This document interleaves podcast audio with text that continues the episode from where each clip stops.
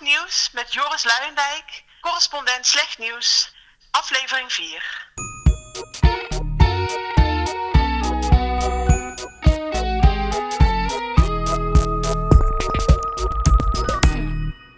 De gast vandaag, Maite Vermeulen. Sinds mei 2018 correspondent Nigeria. We gaan even vanuit dat we niks weten over Nigeria. Wat is het belangrijkste feit dat jij over Nigeria ons kan vertellen... waardoor we meteen meer willen weten over Nigeria? Er zijn zoveel mensen in Nigeria. Hoeveel mensen zijn er? 200 miljoen. Dat is, ehm, dat is dus Frankrijk, Groot-Brittannië en Duitsland samen. Ja, en in, of nou, dat, dat weet ik eigenlijk niet. Daar vertrouw ik je nu op. Maar ik, en in Lagos, de stad waar ik woon, wonen 21 miljoen mensen. 21 Dus miljoen. meer dan in Nederland. Meer Veel meer dan Ja, in dus Nederland. eigenlijk er zijn ongeveer zoveel inwoners van La Lagos... als er Nederlands sprekende op aarde zijn. Best wel indrukwekkend, toch? Ja, net Cairo. Eh, en ik, toen ik in Cairo woonde, ook, ook zo'n 20 miljoen... Ze, ze wisten niet eens hoeveel het er waren in Cairo. Ja, het is natuurlijk zo- ook, het is zo'n gok Ja. altijd. We ja. kunnen er een miljoentje naast zitten, zeggen ze dan. Hè, Een miljoentje naast. Dus Amsterdam is minder dan een miljoen. Ja. Eh, en dat is, wat is daar het moeilijkste van uitleggen hoe het is om daar te, te wonen, te werken en te leven? Aan Nederlanders. Poeh. Ehm, ik denk dat ik wat, ik eh, wat ik soms moeilijk vind uit te leggen is eh, hoe moeilijk het leven is als de elektriciteitsvoorziening heel slecht is. Hoe slecht is hij? Heel slecht. En dat betekent een paar uur Ehm, per dag? Of je weet nooit of hij er is? Je, dat laatste. Dus het kan ook een hele dag wel zijn. Nou, meestal niet. Ehm, vaak valt hij wel meerdere keren per dag uit. Maar dan kan hij vijf minuten wegblijven of drie dagen. Ja. En eh, daar ben je eigenlijk gewoon constant je dag op aan het indelen en veranderen. En, eh, en dan heb ik natuurlijk nog de luxe, of wij, ik en mijn man, dat we een generator hebben. Dus dat als we echt willen, dan kunnen we dat ding aanzetten en dan eh, hebben we elektriciteit. Dat is heel duur, maar dat kan. En eh, heel veel mensen hebben dat natuurlijk niet. nee. Dus, ja. Een, een telefoonnetwerk valt ook uit of is wel? Nee, dat is wel redelijk betrouwbaar. Al die masten hebben ook generators die gewoon 24 uur per dag Ja. staan te loeien. Ja. Eh, in, in de stad is dat betrouwbaar. Maar op het platteland Een water? Water regelt iedereen een beetje zelf. Er is wel een waternet, maar mm, dat werkt niet echt. Eh, dus wij hebben dan een, een boorhol, dus een, eh, een put.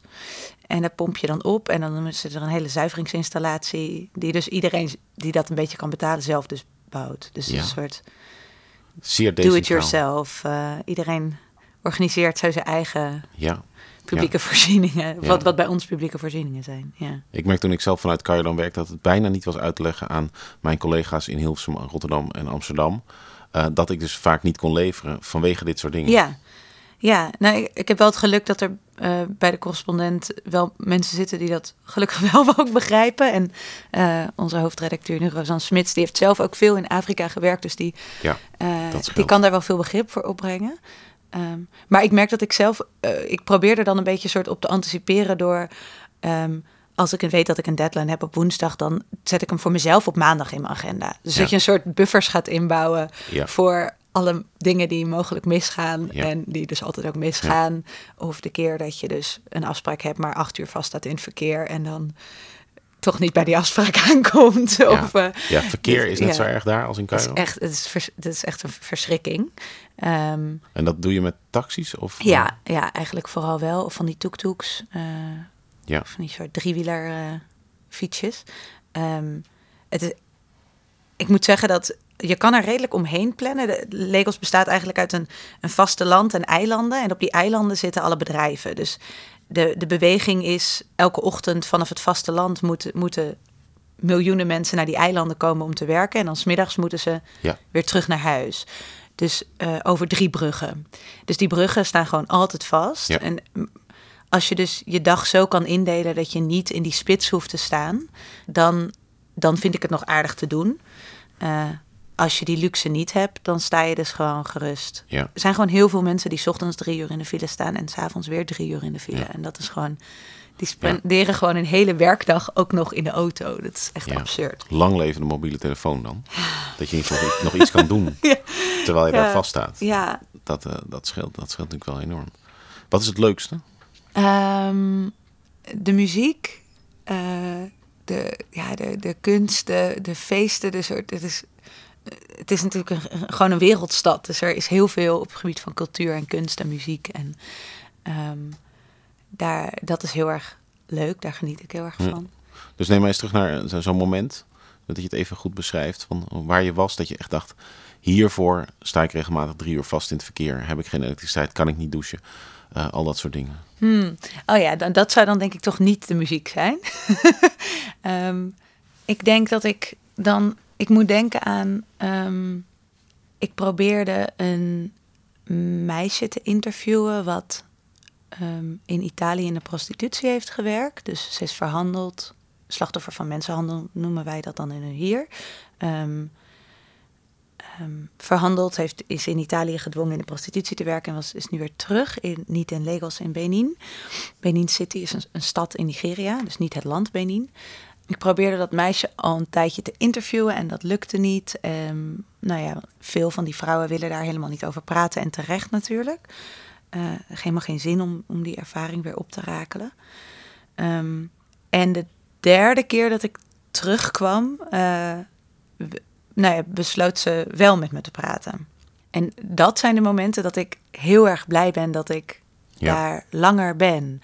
Uh, omdat je het vertrouwen van mensen kan winnen. En, en waar spreek je dan af? Uh, in dit geval spraken we af in het kantoortje van een uh, NGO waar zij een keer een naaicursus bij heeft gedaan. Zij had nu een klein, naaiwinkel, een klein kledingwinkeltje. Um, en de, ja, de, de Nigeriaanse man die dat NGO'tje heeft, die, um, die had het contact, eerste contact tussen ons gelegd. Dus dat was een soort, een soort safe space waar we dan ja. uh, konden afspreken. Um, en daarna ben ik een keer bij haar winkeltje geweest. En dus dus dat, dat zijn heel erg de momenten dat ik heel blij ben. Dat ik, dan vind ik dat allemaal helemaal niet, helemaal niet meer erg. Dat je, uh, ja, dat je het vertrouwen van mensen kan winnen en een soort kan laten zien dat je serieus bent erover. En niet uh, dus ik denk best wel veel wantrouwen naar buitenlandse journalisten. Van, oh, dan kom je hier eventjes en dan ga je, ja. ga je vertellen hoe het hier allemaal zit. En, en dat is natuurlijk ook zo. En dat heb ik, heb ik ook vaak genoeg gedaan. Um, maar, maar dat is nu echt anders, nu ik daar langer zit. Ja. En, maar daar zit ook een, toch een uh, merkwaardige paradox. Dat je dus, je wint het vertrouwen van iemand. Zodat die persoon eigenlijk, je eindelijk volkomen verschrikkelijke dingen gaat vertellen. Ja. Dus dan ben je ook een soort Wat is de paradox? Dus dat je, je bent blij om iets te horen wat afschuwelijk is. Ja, maar je weet natuurlijk al dat dat afschuwelijke er is. Ja, maar nu vertellen ze het. Nu heb je een stuk. Nu ja. vertel ons, wat ging er door je heen toen hij de achtste klant langs kreeg? En dan moet je op die manier... Ja, nee, ik zie het toch niet echt zo. Ik zie dat meer als... Ik, ik probeer het te begrijpen. Ik probeer te begrijpen wat uh, wat de problematiek is en wat de. En, en om dat te begrijpen, moet ik ook dat verschrikkelijke ja. horen en maar die uh, van haar juist horen. En niet van die man van die NGO. En niet ja, dat, van. Dat snap ik. Ja. En dus ben je dus zo blij als je eindelijk dat vertrouwen hebt gewonnen. Ze gaat het je vertellen. Dus je, binnenin zit je van, uh, doe je de Polonaise. Want je bent echt, je bent gekomen, je bent daar waar je voor kwam. Alleen wat ze je vertellen is totaal verschrikkelijk. Ja, ik zie wat je bedoelt, dat dat een beetje pervers is. Um, ja, dat is wel denk ik de uh, inherent aan uh, verhalen vertellen uit, uit landen waar, waar verschrikkelijke dingen gebeuren. Of verhalen vertellen over mensen die verschrikkelijke dingen hebben meegemaakt. Ja. Um, ja, dat klopt wel. Kan je dat loslaten? Ik vond het in haar geval eerlijk gezegd nog best moeilijk, omdat zij duidelijk ook ik vond zelfs op het moment dat ze het me uiteindelijk er wel over wilde vertellen, was ze niet. Vond ze het alsnog heel erg moeilijk, laat ik het zo zeggen. Dus ze veranderde echt best wel op het moment dat we over de moeilijkere dingen praten. Ze ging heel veel gapen en je wel, legde echt ineens zo'n soort haar hoofd op tafel alsof ze ging slapen. En soort, ze, ze ja, vond dat duidelijk heel moeilijk om over te hebben. Terwijl er ook mensen zijn die je uiteindelijk in vertrouwen nemen en dan een soort opgeluchtheid hebben dat ze het vertellen. En er, en er ook bijna activistisch over worden van... Ja, ik vind het eigenlijk echt heel belangrijk dat andere mensen dit weten. En um, nou ja, een, dank, een bepaalde dankbaarheid dat je naar, oprecht naar ze wil luisteren. Ja, dan heeft het een therapeutische werking. Ja, terwijl ik bij haar meer het gevoel had dat ik het eruit moest trekken. En, en dat, is, dat vind ik dan wel pijnlijk. Ja. ja. Ja.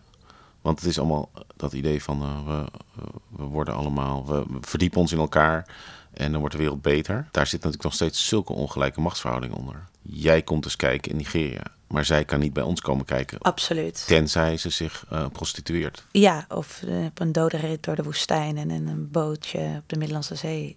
Ja, zeker. Daar ben ik me heel bewust van, van die ongelijkheid.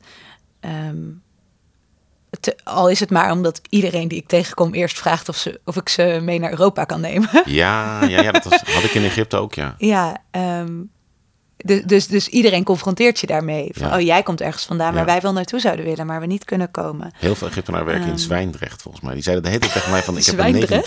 heb een in, uh, Ja, Zwijndrecht is heel moeilijk uit te spreken voor Arabieren. Z en dan de W.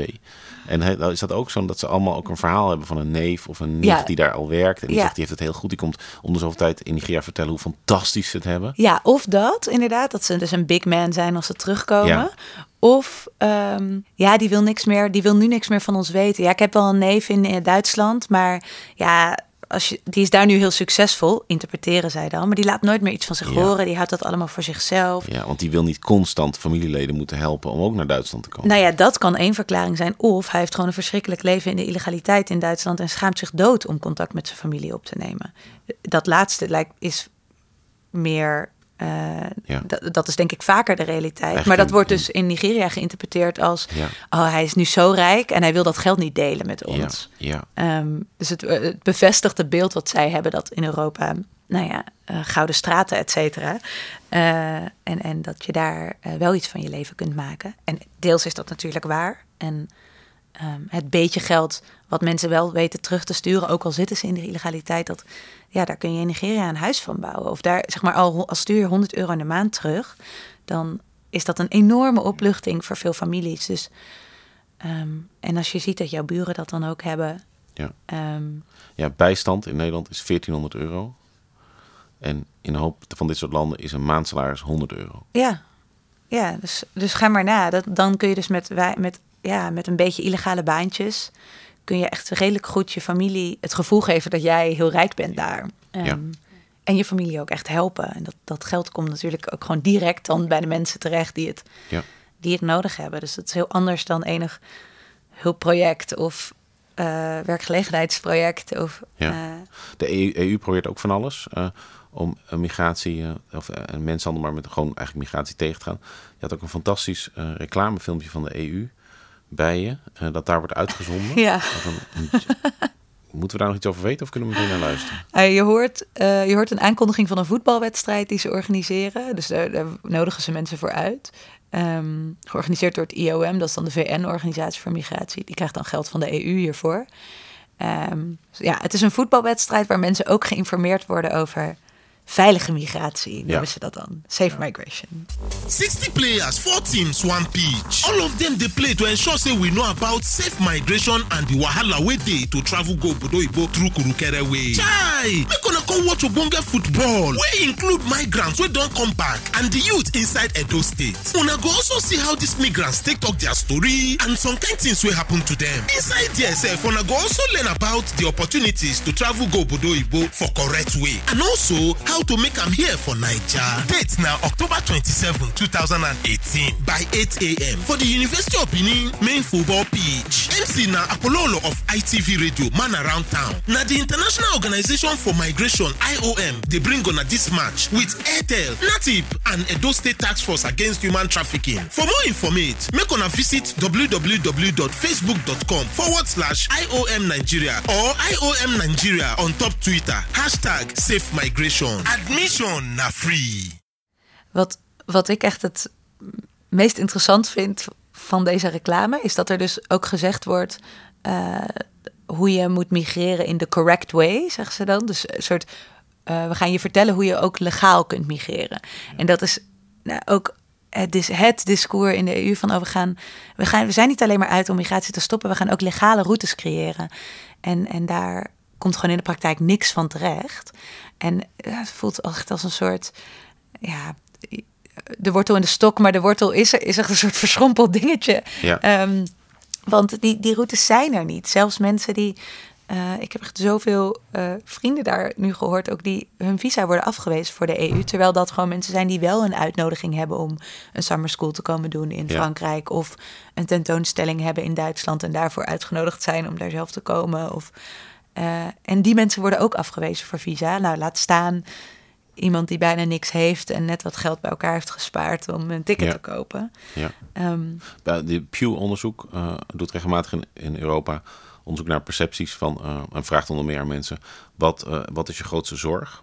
En daar komt al jarenlang immigratie helemaal bovenaan. Ja.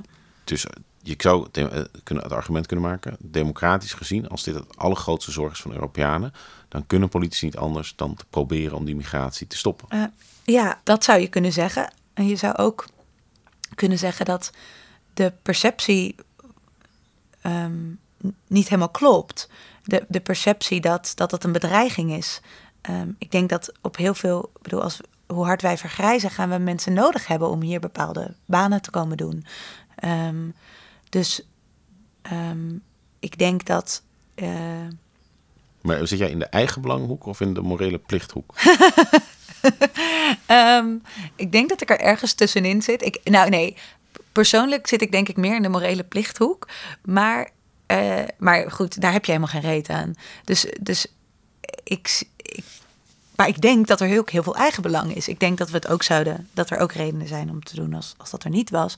Maar volgens mij is er heel veel eigenbelang. Uh, en is er ook, um, ook vanuit de, um, het perspectief dat we, we zeggen dat we de grondoorzaken van migratie willen aanpakken door uh, die landen te helpen ontwikkelen, kansen voor mensen daar te creëren. Uh, maar als je kijk naar wat nou echt zou helpen voor landen daar, is dat meer migratie. Uh, want dat geld wat wordt teruggestuurd. Dat, ja. dat Ze verliezen wel hun meest ondernemende mensen aan migratie. Ja, dat, ja goed. Misschien, um, misschien is dat waar. Misschien verliest uh, uh, een gezin dan één ondernemend, ondernemende zoon. Uh, die dan geld terugstuurt, zodat de andere ondernemende zoon iets kan opzetten. Ik, ik, ik weet niet ik denk niet dat er een gebrek aan ondernemende mensen daar is en dat die dan allemaal weggaan en dat ze dan niks overhouden. Dat geloof ik niet echt. Um, maar ik denk vooral dat er, dat er voor, voor zowel de landen daar, de vertreklanden als voor ons heel veel redenen zijn om um, niet om iedereen binnen te laten. Dat ik bedoel, ik ben ik, ik zou niet per, ben niet per se voor open grenzen of zo, maar um, maar om um, wat ze in Canada bijvoorbeeld doen met zo'n puntensysteem, die maken zo'n lijst van. Maar dat vind ik ook zo onrechtvaardig, want dan ga je gewoon echt. Dan Iran investeert dan eindeloos in de, in de opleiding van iemand tot arts. Ja. En dan scoort hij waanzinnig veel punten. En dan heeft Iran betaald voor de opleiding. En gaat die arts daarna in Ottawa of in Montreal, uh, wordt die arts. Ja, en dan je, komt hij daarna misschien weer terug naar Iran. Ja, denk je? Ja, dat, ja, ik weet het niet. Ik geloof wel dat... Wij, wij zijn, ik heb het idee dat we, we hebben eerst die olie eruit gehaald in die landen en alle ivoor. Dan halen we nu alle En nu halen het mensen, talent, want dat is nu wat, uh, wat geld oplevert en groei. Ja, maar dat levert die landen ook geld en groei op. Als, als uh, hun uh, mensen hier goede banen zouden kunnen krijgen en dat geld terugsturen naar hun familie daar, levert dat, levert dat die economie en, en die landen ook heel veel geld op. Ja. Ik denk niet dat het of-of is. Ja. Um, maar ik denk ook dat het type uh, arbeid wat wij hier nodig gaan hebben, zijn misschien wel helemaal niet de artsen, maar dat zijn de verplegers of de. Als is daar um, tegenargumenten, robotisering komt eraan. Ongeschoolde arbeid wordt straks helemaal overgenomen Ja. door robots, want daarom is het ongeschoold. Dat zijn precies de banen die door immigranten worden genomen. Dus we creëren gewoon een werkloze onderklasse. Ja. Ja. Laten we terug gaan die, die, die migratie. Dat, uh, dat, is, dat is een mooi idee van de correspondent. Is natuurlijk dat je ter plekke gaat kijken. Jij bent iemand die ter plekke gaat kijken. En wat mij het meest blij bleef was het, de, de rol van wat dan heet hekserij in immigratie. Ja. Uh, voor mensen die het nog niet hebben gelezen en die het wel hebben gelezen. Leg eens kort uit wat je daar ontdekte. Um, nou, dit gaat specifiek over mensenhandel. Dus, uh, en dat is heel groot daar. Dus de, de meeste, meeste migranten uit Nigeria komen uit één stad, Benin City. Uh, wat een relatief kleine stad is, zeg maar. Um, nou ja, alsof iedereen uit Utrecht zou komen of zo. Zeg maar zo'n beetje zo de vierde stad of zo van het land. Um, en in die stad um, is voodoo een heel, heel belangrijk. Dus hun traditionele religie hebben ze vaak gewoon naast het feit, naast dat ze moslim of christen ook zijn, zij hebben ze ook, gaan ze ook nog naar voodoo-altaren, gaan ze nog naar de voodoo-priester. Ehm, als ze niet zwanger kunnen worden, als ze conflicten hebben met hun buren, wat dan ook. Dus die voodoo-priesters hebben best wel een belangrijke rol. En die mensenhandelaren hebben een soort uh, model bedacht. Waarbij ze die meiden die ze dan overhalen om uh, naar Europa te gaan, vaak met valse beloftes. Um, inmiddels weten de meeste meiden wel waarvoor ze dat ze in de prostitutie terecht gaan komen. Maar laten ze een, um, een voodoo eet zweren. Dus dan nemen ze ze mee naar die voodoo-priester. En dan laten ze ze zweren dat ze niet weglopen bij de mensenhandelaar, dat ze niet naar de politie zullen gaan. Um, en voor die meiden is nou ja, het breken van zo'n eet gewoon, dat is ondenkbaar. Dat is, want dan dat gebeurt, want... Dan zo, zo, zullen ze of doodgaan of gek worden, of er zal hun familie iets overkomen. Ja. Um, maar in elk geval zal er iets verschrikkelijks met ze gebeuren. En um, dat is gewoon, dat is super reëel. Het is niet een soort, ik denk, het is een hele, hele wezenlijke angst. Ja. Um, Waar merk je dat aan? Nou, dat ze dus niet weglopen bij hun mensenhandelaren. Ja, dat ze niet naar de politie stappen. Dat ze niet willen getuigen in rechtszaken ja. um, tegen ja. handelaren. Want de, uit andere landen ja, heb je dus moeten ook meisjes op deze manier eigenlijk in de, in de, in de greep worden gehouden. Daar is voodoo niet. En dan, dan moet er dus fysiek enorm worden... Geweld bijvoorbeeld, inderdaad. Op, of een opsluiting of... Uh, in Oost-Europa heb je natuurlijk ook wel het loverboy-model. Dus dat je, ja. dat je die meisjes bindt omdat ze dus heel veel trouw voelen aan die jongen die, uh, die hun pooier is eigenlijk. Ja. Um, dus dit maar, scheelt op een perverse manier geweld. Totaal, ja, ja, ja. Dus um, ja, het is gewoon een soort op afstand, op afstand bestuurbaar, zei, zei een iemand het ja. Een soort, met een afstandsbediening kun je die meisjes controleren. Want ja. je hoeft ze maar even te herinneren aan het feit dat ze zo'n eet hebben gezworen en dan Um, en ze zien ook alles wat er gebeurt in die... In dat licht. In dat licht. Dus als er een meisje die is weggelopen iets overkomt, ja, dan, dan was dat natuurlijk vanwege dat de goden iets met haar gedaan hebben vanwege die eet. Ja, en dat haalde jij dus eigenlijk naar boven als een belangrijke factor in die hele mensenhandel. Ja, en wat interessant is, is dat je hebt dus um, in Benin City een, um, een koning, de Oba. Um, die is eigenlijk nou, wat die zegt is eigenlijk veel belangrijker in die stad dan wat de regering zegt of wat de burgemeester zegt. Dat is gewoon, dat is eigenlijk de leider van de stad. Um, het, is ook echt een, het is echt een soort uh, farao-dynastie. Die zit al 42 generaties op de troon. Het is, een soort, het is echt een super oude, oud uh, koninkrijk. En, um, en die Oba die is eigenlijk ook de soort paus. Dus die is ook de baas, ook de geestelijk leider. Dus ook de baas van al die priesters. En die heeft dus uh, in maart van dit jaar een vloek uitgesproken op mensenhandelaren. En gezegd dat al die priesters niet meer die eden voor, uh, voor meisjes mogen doen. Ja. En dat, nou, dat heeft super. Dat, dat was echt een soort. Toen ik daar voor het eerst in die stad kwam, een soort. Echt de talk of the town. zeg maar dat dat. Uh, dat alle mensenhandelaren ineens on, soort ondergronds moesten. En dat niemand meer wilde praten daarover. Terwijl het daarvoor best wel oud ja. in die open was.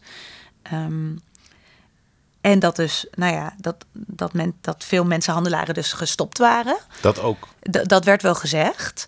Um, maar later heb ik ook heel veel verhalen gehoord over alle, nou ja, goed, keerzijde ervan. Dat mensenhandelaren gewoon meisjes naar andere staten meenamen waar de vloek dan niet zou gelden, omdat het Benin Koninkrijk niet tot daar reikt.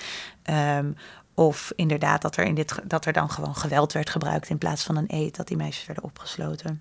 Ja, ja. Um, dus zeker niet dat dat soort de oplossing voor alles was. Um, maar ik vond het, uh, ik, ik, vond het super interessant omdat het zoiets is wat, wat wij denk ik snel niet serieus nee. nemen. Of niet. Of misschien ook een beetje denken van, oh, dat mogen we niet zeggen, want dat is politiek incorrect om te zeggen dat Afrikanen in hekserij geloven of zo. Um, een beetje alsof je dan zegt dat ze achterlijk zijn. Ja. Um, er is een uh, antropoloog of een, een onderzoekster, Inge Lichtvoet. Daar um, heeft Romané uh, Rodriguez, onze producent, even mee gepraat. Die heel scherp kan samenvatten wat nou iemand op de grond kan toevoegen aan ons beeld van een land als Nigeria. Wij kunnen met onze westerse blik, ik denk, nooit helemaal begrijpen dat hekserij echt bestaat. Want wij vinden dat onredelijk. maar niet serieus nemen. Ik denk dat, dat, dat we dat niet moeten doen. En zeker niet mensen die hulp verlenen in Nigeria, mensen die beleid maken ehm, dat hekserij of magie of uh, nou dat dit soort dingen echt zijn voor de mensen. Dat je daar niet overheen kunt stappen. Waarom zou het schadelijk zijn om er overheen te stappen? Omdat je dan het zijn van die mensen ontkent. Hè? Het zit zo diep in wat mensen zijn en geloven. Als je daar overheen stapt, dan stap je over een deel van wie die mensen zijn heen. En als je dat niet meeneemt in je beleid of in je zorg of in je hulp aan mensen, dan uh, zal het ook de mensen niet zo bereiken. Überhaupt als er gesproken wordt over migranten die naar, naar Europa komen, wordt er heel vaak vergeten dat mensen gevoel hebben en dingen geloven en ergens voor staan. En niet zomaar lege omhulsels zijn, weet je, waar je iets over kunt zeggen. Ik speel nu even de advocaat van de andere kant. Als ik hoor over die voodoo, denk ik, ja, die wil ik niet bij mijn kinderen in de klas. Waarom niet? Mensen die dat soort dingen geloven, die zijn vatbaar voor de meest waanzinnige ideeën. Als jij gelooft maar waarom dat is dat waanzinniger dan, dan in, als je christen bent of moslim? Nou kijk, in, in, omdat de meeste mensen die hier op een christendom uitvullen, uh, uitvoeren, is, dat gaat bijvoorbeeld samen met wetenschap. Nou, de wetenschap is vrij duidelijk over voodoo. Het is allemaal onzin. Nee, dat vind ik echt, nee, dat vind ik echt heel raar. Ik, vind, ik zie dat geloof totaal niet als iets anders dan. Straks zit jouw kind met iemand in de klas die gelooft dat jouw kind behekst is. Ja, maar ja, straks zit mijn kind met iemand in de klas die gelooft dat mijn kind naar de hel gaat. Ja, wat is daar nou het verschil van? Kun je dat bij elkaar optellen? Dat je zegt van, het is al heel erg dat mijn kind straks in de klas zit met iemand die denkt dat hij naar de hel gaat. Maar er komt er nog iemand bij die ook nog denkt dat het behekst is. Nou ja, des te meer, ja, ik vind, ik denk dat het alleen maar een verrijking is voor je kind. Hoort die andere wereldbeelden. Ja, ik, ik denk niet dat ons wereldbeeld superieur is. Dat geloof ik echt niet. Nee? Nee, nee echt maar dus totaal dus niet. Gelijkheid man-vrouw? Ja, ben ik voor. Maar dat is toch superieur aan samenlevingen waar, waar vrouwen ondergeschikt zijn? Um, ja, maar, maar dat, uh, dat vind ik iets anders dan als het gaat om spiritualiteit. Of zeg maar dingen die je toch niet kunt bewijzen. Uh, ik kan niet bewijzen dat er dat voodoo, ik kan niet bewijzen dat voodoo niet bestaat. Ik kan niet bewijzen dat hun voorvaderen niet nog in de geestenwereld hier leven. Ik, ik geloof het niet, maar kan toch niet bewijzen dat dat niet zo is. Dat vind ik iets anders dan dat ik wel kan bewijzen dat, dat vrouwen net zoveel kunnen als mannen. En daarom net zoveel recht hebben als mannen. Uitstekend, punt gemaakt. Uh, als we nog even op de werkwijze, want je kunt vaak een land ontzettend goed leren kennen aan de barrières waar je tegenaan loopt als journalist. Dus we hebben het nu over, nou ja, dat Egypte was bijvoorbeeld totaal corrupt. Uh, niet zozeer uh, dat het systeem was niet zozeer corrupt, corruptie was het systeem. Hmm, dat is exact hetzelfde in Nigeria. Voorbeeld. Voorbeeld. Um, voorbeeld. Wanneer heb je voor het laatst iemand omgekocht? en voelde dat niet eigenlijk ook wel lekker? Toen ik het een paar keer had gedaan, dacht ik. Zo gaat dat, ja. Ja, vond je dat lekker? Nou, het heeft iets. Het, heeft, het is dus op een heel intiem. Ik, ik vind het, dat je hebt. Volgens mij heb je verschillende soorten corruptie.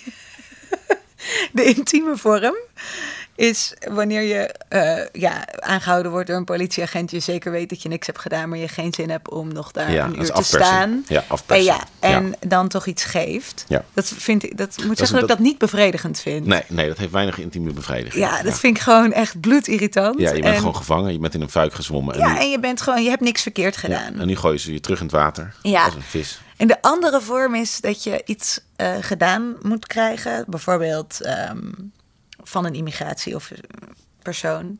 Uh, die moet gewoon jouw visum verlengen. Dat kost bedrag X. En hij zegt dat kost ook nog zoveel ja, uh, processing costs. Processing, ja, dat is een mooie. processing fee. Ja. En dan zeg je, dat is prima. Mag ik daar dan een bonnetje van? Ja. En dan zegt hij, nee, nee, nee, van de processing fee kunnen we geen bonnetje geven. Dan zeg je, ja, maar de afdeling financiën bij de correspondent. Ja, dan zeg ik, ja, sorry, ja, ik heb echt een bonnetje nodig. En dan ga je, bedoel, dan ga je wel, dan ga ik wel de waiting game doen. Dan ga ik daar gewoon... Ja, anders moet, je de, anders moet je de volgende keer nog meer betalen. Precies, dus dan... Um... Je moet even laten weten dat, het niet, dat je ja. geen geldkraan bent waar zij met hun bek onder kunnen ja, gaan hangen. Dus, uh... Maar je moet uiteindelijk wel betalen, anders ja. blijf je daar maar zitten. Ja, dus mijn man en ik hebben denk ik heel wat middagen hebben we in, op het douanekantoor gezeten. Wat ze überhaupt al hilarisch vinden dat je zelf komt. Want ja. de meeste expats die voor Shell of Heineken werken, die hebben natuurlijk gewoon bureautjes die dat voor hen regelen. En daarom zijn, hebben die mensen zo weinig idee hoe het land echt werkt. Omdat ze dat klopt, soort dingen niet hoeven te klopt. doen, die expats. Ja. Ja, nee, dus uh, en, en ja, dat je. Maar jullie betalen uiteindelijk wel, toch? Zo'n processing. Nou, dan ga je dus een beetje soort. Dan is, wordt het een onderhandeling. Ja. Wat, wat de processing kosten dan zijn. Ja. En dan, krijg, ja, dan betaal je een fractie van wat ze eerst vragen. Wat wij dan vinden door kunnen als een soort fooi of zo. En Ja. wat zij alsnog acceptabel vinden dan. Ja. Ja, want zij moeten een deel daarvan weer afdragen aan de persoon boven hen. Die Exact. hen het recht gaf Exact, om... dus, eh, je, dus je laat die mensen, eh, Dat wordt ja, brengt ze eigenlijk in een onprettige positie door te zeggen: nee, dat ga ik niet betalen. Ja.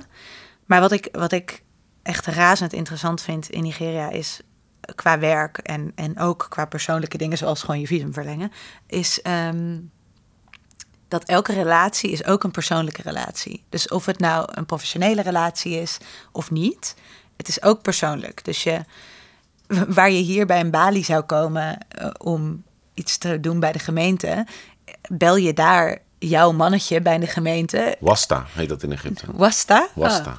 Tussenpersoon. Oh, oh ja, ja. Ja, nee, dat inderdaad. En de, je, je, je moet iemand kennen en die moet je ook af en toe gewoon even bellen om te vragen hoe het met zijn kinderen gaat. Ja. Ook, en ook al hoef je niks Ja, van hem. Met Ramadan zorg je voor een... eh, Precies, ja. Dus je, ehm, je moet een soort relatie met iemand aangaan. Wat hier gewoon, eh, waar hier procedures voor zijn of Ja. zo. En dat maakt, het af, dat maakt het af en toe vermoeiend, maar, maar ook maakt dus dat je eigenlijk. eh, hier kan je soms buiten een hokje vallen en dan weet je wat, dan sluit, sluit elk loketje van nee, dat is niet hier, dat is niet Ja. hier. Ehm, en daar kun je dat dan wel regelen, want, eh, Ja, je want je hebt een hebt. persoonlijke relatie met iemand. Ja, ja. Maar ik vind dus nog wel dat als je die, als je die persoonlijke relaties dus goed onderhoudt, heb je minder geld nodig. Dat is dus ook waarom het zo belangrijk is voor eh, ook armere mensen om in te netwerken. Het is een enorme netwerksamenleving. Mijn scriptiebegeleider, voordat ik naar Egypte ging, die zelf al lang in Soedan had ge- gewoond, die zei van je moet heel goed begrijpen, in Nederland bouw je relaties op met betrouwbaarheid en voorspelbaarheid. In Egypte los je alles op met charme. Je komt gewoon anderhalve dag te laat op de afspraak, maar je zegt op een ontzettend aardige manier zoeroef. Dat betekent omstandigheden. En dan zegt ze, ja, Ja, logisch. logisch. Terwijl hier is het voorbij. Ja. Ha, Neem je mij niet serieus? Hou je niet van mij? Hoe kan je dit doen? Je had toch gewoon een berichtje kunnen sturen? Ja, Zoeroef. Zoeroef. ik denk dat ze in Nigeria überhaupt al zo verbaasd zijn dat je zelf opkomt dagen. En dat je niet daar, als je een bepaald, eh, nou ja, als je blank bent in feite, maar goed, als je eh, geld hebt, dat je daar niet je mannetjes voor stuurt. Dat ze dat al ook als een soort. eh, Ja, maar hou je dat vol? Stel je voor, je zit er vijf jaar. Je denkt, weet je, eh, ik dacht in het begin vond ik het heel interessant. Op een gegeven moment heb ik ook mannetjes genomen. Want ik dacht, ja, dat kost Ja. me gewoon een dag. Ja, ja voor sommige dingen, zit voor sommige dingen wel, inderdaad. Ehm, ja, dat, dat is denk ik waar. Dat je na een tijdje denkt, ik ga mijn tijd hier niet meer aan verspillen. Ja, Ehm, ik heb het wel gezien. Antropologie, ik weet wel hoe dit werkt. nu. antropologie van de corruptie. Ja, Ja. Ja. Maar, maar het geldt ook voor. ehm, het geldt natuurlijk niet alleen voor die eh, nou ja, ambtelijke types, maar, maar ook voor bronnen. Dus een soort als ik. Dat is wel echt een, misschien nog wel het grootste verschil met eh, ergens een paar weken heen gaan, dan een stuk schrijven en weer naar huis gaan. ehm, is dat je, je contact met je bronnen de hele tijd blijft onderhouden. En dat zij dat mensen die je hebt geïnterviewd blijven je bellen. Want ja, voor hen ben je natuurlijk echt een, de, ehm, het hoogste wat ze in hun netwerk ongeveer kunnen bereiken. Namelijk een westerse journalist. Ja, een lijntje naar de ambassade. Ja, en weet ik, ja, lijntje naar Europa. Mag, misschien mogen ze wel mee in je backpack. Weet je wel, een soort. eh, dus, dus ze zijn er alles aan gelegen om, om die relatie te onderhouden. En dat vond ik in het begin best wel ingewikkeld, omdat je eh, op een nou ja, heel Ja, je komt bazaal niveau. Je, met je decoloniale dingen. En toen Ja. je gewoon toch echt vol in die rol van de koloniale machthebber te worden geduwd. Absoluut, absoluut. En, en je kan het ook nooit goed doen. Een soort, als je, ja, ik, wij, volgens de westerse journalistieke ethiek mag je natuurlijk niet betalen voor een interview. Dus je gaat niet je bronnen betalen, want nou ja, dan is het besmeurd. En dan, Groot-Brittannië wel hoor, daar betalen ze gewoon Ja. keihard. Dus je gaat eerst naar bed met een voetballer en dan vertel je daarna aan de Sun hoe het was met Ja, hem. ja. Dus Groot-Brittannië vertelt even niet mee. Zoals we hier ook onze UK corruptie hebben. uitgezonderd. Maar inderdaad, in Nederland het betalen van een bron in Nederland Is echt not done. kan niet. Nee, en precies. natuurlijk helemaal terecht, want anders krijgt zo'n bron belang om jouw dingen te vertellen die jij wil horen, zodat je nog een keer kon betalen. Precies. Ehm, en als je dat dus wel doet, ja, dan, word je, dan ben je inderdaad als een soort koloniaal ben je bezig om iets te, te Ja. onttrekken daar. Maar voor hun kun je, als je, als je, zij zien het precies andersom. Als je daar alleen maar komt halen en niks komt brengen, dan ben je koloniaal be- bezig. Ja, Ehm, prachtig. dus, dus dat is heel, ehm, Dus is je kan het nooit goed doen. En, en dan probeer je dus toch maar om, ehm, nou ja, hoewel je dan niet wil betalen, ja, ga je een beetje andere dingen verzinnen van, oh, misschien kan ik je wel wat transport money geven, want je wil, die persoon moet ergens heen komen. Of misschien, ik kan wel je lunch betalen, maar dan Ja. betaal, koop je niet eigenlijk niet de lunch, maar dan wat de lunch zou kosten, kun je dan wel geven. Ja. Dus je gaat een beetje een soort goed. omwegen Heel goed. verzinnen. Ja, Ehm, om het zo, soort te balanceren. Ja, en overal. Ja, ja, eigenlijk ga je ook daarin meedoen. ja. Ehm, Het is ook weer heel koloniaal om zelf te gaan beslissen wat koloniaal is. maar wie mag dat dan beslissen? Ja. Eh, want over dat, dat onderhouden van netwerken, dat is een van die dingen die denk ik in Nederland niet veel gebeuren, is dat jouw bronnen ook vaak gewoon voicemailberichten Ja. achterlaten met informatie. Hè? Dus Ja. je, je hebt er eentje meegenomen. Laten we eventjes een stukje daarvan luisteren. Het geeft ook een soort gevoel voor eh, dat Engels-Nigeriaans. Mm, so on the national ID card, so I went to do the national ID card. I should bring my my as my birth certificate. I went to do it yesterday. They told me, they told me ten thousand naira for the birth certificate. I don't have to up that money. That's what's holding me back. My group, my group, I'm, I am thinking I'm the, I'm the group leader and the rest of my group members they are i'm the one they are waiting for so things are very difficult for me man Wat, wat, dat, dat Engels lijkt me niet makkelijk, dat was even wennen. Wat vertelt hij hier? Ehm, dat hij het zwaar heeft.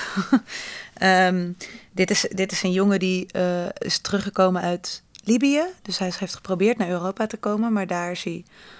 eh, in Libië is hij eigenlijk vastgelopen, is hij opgepakt door de politie, is hij eh, gevangen gezet. En de EU financiert dan vluchten om terug te keren naar Nigeria. Deze jongen is 18, dus echt, echt poepiejong. En nu, nou ja, een van de dingen die hij dan bijvoorbeeld ver- vertelt, is dat hij probeert nu een bedrijfje te registreren, maar hij heeft geen geboortecertificaat. Heeft hij gewoon niet. Zijn geboorte is nooit geregistreerd. Dat geldt voor heel veel Nigerianen. En ehm, eh, nu heeft hij 10.000 naira, dus dat is 25 euro of zo nodig om dat Processing Te doen. costs. ja, processing costs voor zijn geboortecertificaat. Ja, en, en het is, ik moet zeggen dat deze, de- in dit geval, het is niet een berichtje van, oh, je moet me dat geld geven. Maar ehm, ik ben zo'n groep van, van iets van 10, 12 van die terugkeerders aan het volgen. Om te kijken wat er dan, ja, wat, wat gebeurt er dan als je na zo'n mislukte reis thuiskomt. Ja. Je laat ze foto's maken? Ja, ik laat ze ook foto's maken. Ehm, elke twee weken vraag ik ze om een foto van iets te maken. Ehm, wat voor transport ze gebruiken, wat ze gegeten hebben die dag. Gewoon hele basale dingen. Om een beetje een beeld te krijgen van hoe hun levens eruit zien. Ehm, en hopelijk ook over gedurende dus langere tijd te, zien hoe hun leven verandert. Ehm, en dat is ook een soort manier om... Ik merkte in het begin liet ik ze die foto's niet maken. Ehm, en belde ik ze gewoon elke week eventjes. Maar dat is wel... die foto's zijn een soort eh, kader om dat contact te onderhouden. Een soort een... eh, dan kun je het daarover hebben. En Ja. Ehm, na, een na een paar weken vond ik het namelijk best wel moeilijk worden om weer te vragen hoe gaat het. En er is eigenlijk gewoon niet veel vooruitgang. Heel veel zijn echt best wel depressief geworden voor mijn gevoel. Wat ik ook kan snappen. En dan, ja, wat zeg je dan nog? Ja, hoe gaat het nu? Ja, nog steeds hetzelfde. Ehm, heb je al een baan gevonden? Nee. Heb je al iets gehoord van IOM? Dat is dan de VN-organisatie die ze wat hulp gaat geven op een gegeven moment. Maar dat is een enorme wachtlijst. Dus Ehm, nou, pas na een paar maanden. Nu hebben, inmiddels hebben ze allemaal die hulp gekregen. Maar eh, de laatste kreeg dat pas vier maanden nadat hij terug was. Nou, vier maanden, dat is zo lang dan. Ja. Ja. ja, dat zijn hartverscheurende verhalen. Ja, klopt. Ik vind het ook wel eh, zwaar af en toe. Want je leert mensen beter kennen. eh, dan confronteren ze je met hun fundamentele hulpeloosheid. Ja. En voor jou zou je het nauwelijks voelen als je ze financieel echt serieus zou helpen. Gezien jouw achtergrond. Dat geld is er gewoon wel. Eh, Zeker omdat het om zulke relatief kleine bedragen Zo 25 euro voor een geboortecertificaat of zo. Ja, bijvoorbeeld. ja. Wat doe je dan? Ehm, nee, dat doe ik niet. Dat doe ik wel voor bijvoorbeeld het gezin wat bij ons om de hoek woont. Want daar voel ik, want daar heb ik een persoon, alleen een persoonlijke relatie mee. Dus als die, Ja, als dat kindje malaria krijgt, ga ik wel eh, medicijnen kopen. Maar ehm, ik ga niet. Ik wil die grens duidelijk houden. Want, want waar ligt de grens dan? Als ik nu 10.000 naira geef voor een geboortecertificaat, dan ja, wanneer, wanneer, houdt, wanneer stopt dat? En, Ja. eh, en ik denk dat het de enige manier om dat contact te onderhouden is om daar heel duidelijk in te zijn dat het, dat, dat niet een financieel, een financieel contact is. Ik zou wel bijvoorbeeld, eh, als ik in mijn netwerk hoor dat iemand een, eh, een chauffeur zoekt of zo, heb ik wel eens, heb ik een van die jongens wel eens voorgedragen. Bijvoorbeeld van, oh, ik ken deze jongen, die, woont, die is Ja. op zoek naar werk. Hij is oké. Of Ja. hij is oké, inderdaad. Of ehm, eh, er zitten ook een paar best wel hoogopgeleide mannen tussen. Ehm, die heb ik dan eh, wel eens ge- ge- een factuur doorgestuurd die ik voorbij zag komen. Of zo. Dat soort, op zo'n manier zou ik ze wel Ja. eh, Ja. proberen te helpen. Maar niet door Ja. van mijn persoonlijke rekening geld Ja. aan ze te geven. Want je bent een soort mini-EU eigenlijk. Hè? Dus, dus, eh, de, EU, de EU is een hyper geprivilegeerd eh, en machtig continent. Dat eigenlijk denkt van ja, we gaan niet heel veel delen met jullie. En als we, als we een paar mensen toelaten, komen er nog meer. Ja. Dus ja, we houden het op. Dan moeten we wel helder zijn. ja, grappig. Zo heb ik er nog nooit naar gekeken. Laatste, laatste vraag altijd. je niet meteen een antwoord geven. Wat voor dier ben jij? ben, ben jij een roofdier of een prooidier? Wow. Bijt jij andere beesten dood of bij- bijten andere beesten jou dood? Ik denk dat ik dan eerder andere beesten doodbijt. Je bent toch wel een, een, een roofdier? Eerder. Ja. En eh, door de lucht, door de grond, over de grond of door het water? Water, denk ik. Water. Een dolfijn. Mag ik een dolfijn Een zijn? dolfijn? Ja, want die, dat zijn ook roofdieren. Die eten vissen. En die zijn ook gewoon leuk. Die zijn leuk. En sociaal. Iedereen houdt van ze. Ja. Ja. Je kunt ze alles laten doen. Een Eindeloze rondje. heel weeg antwoord. Prachtig. Dankjewel. Dank je.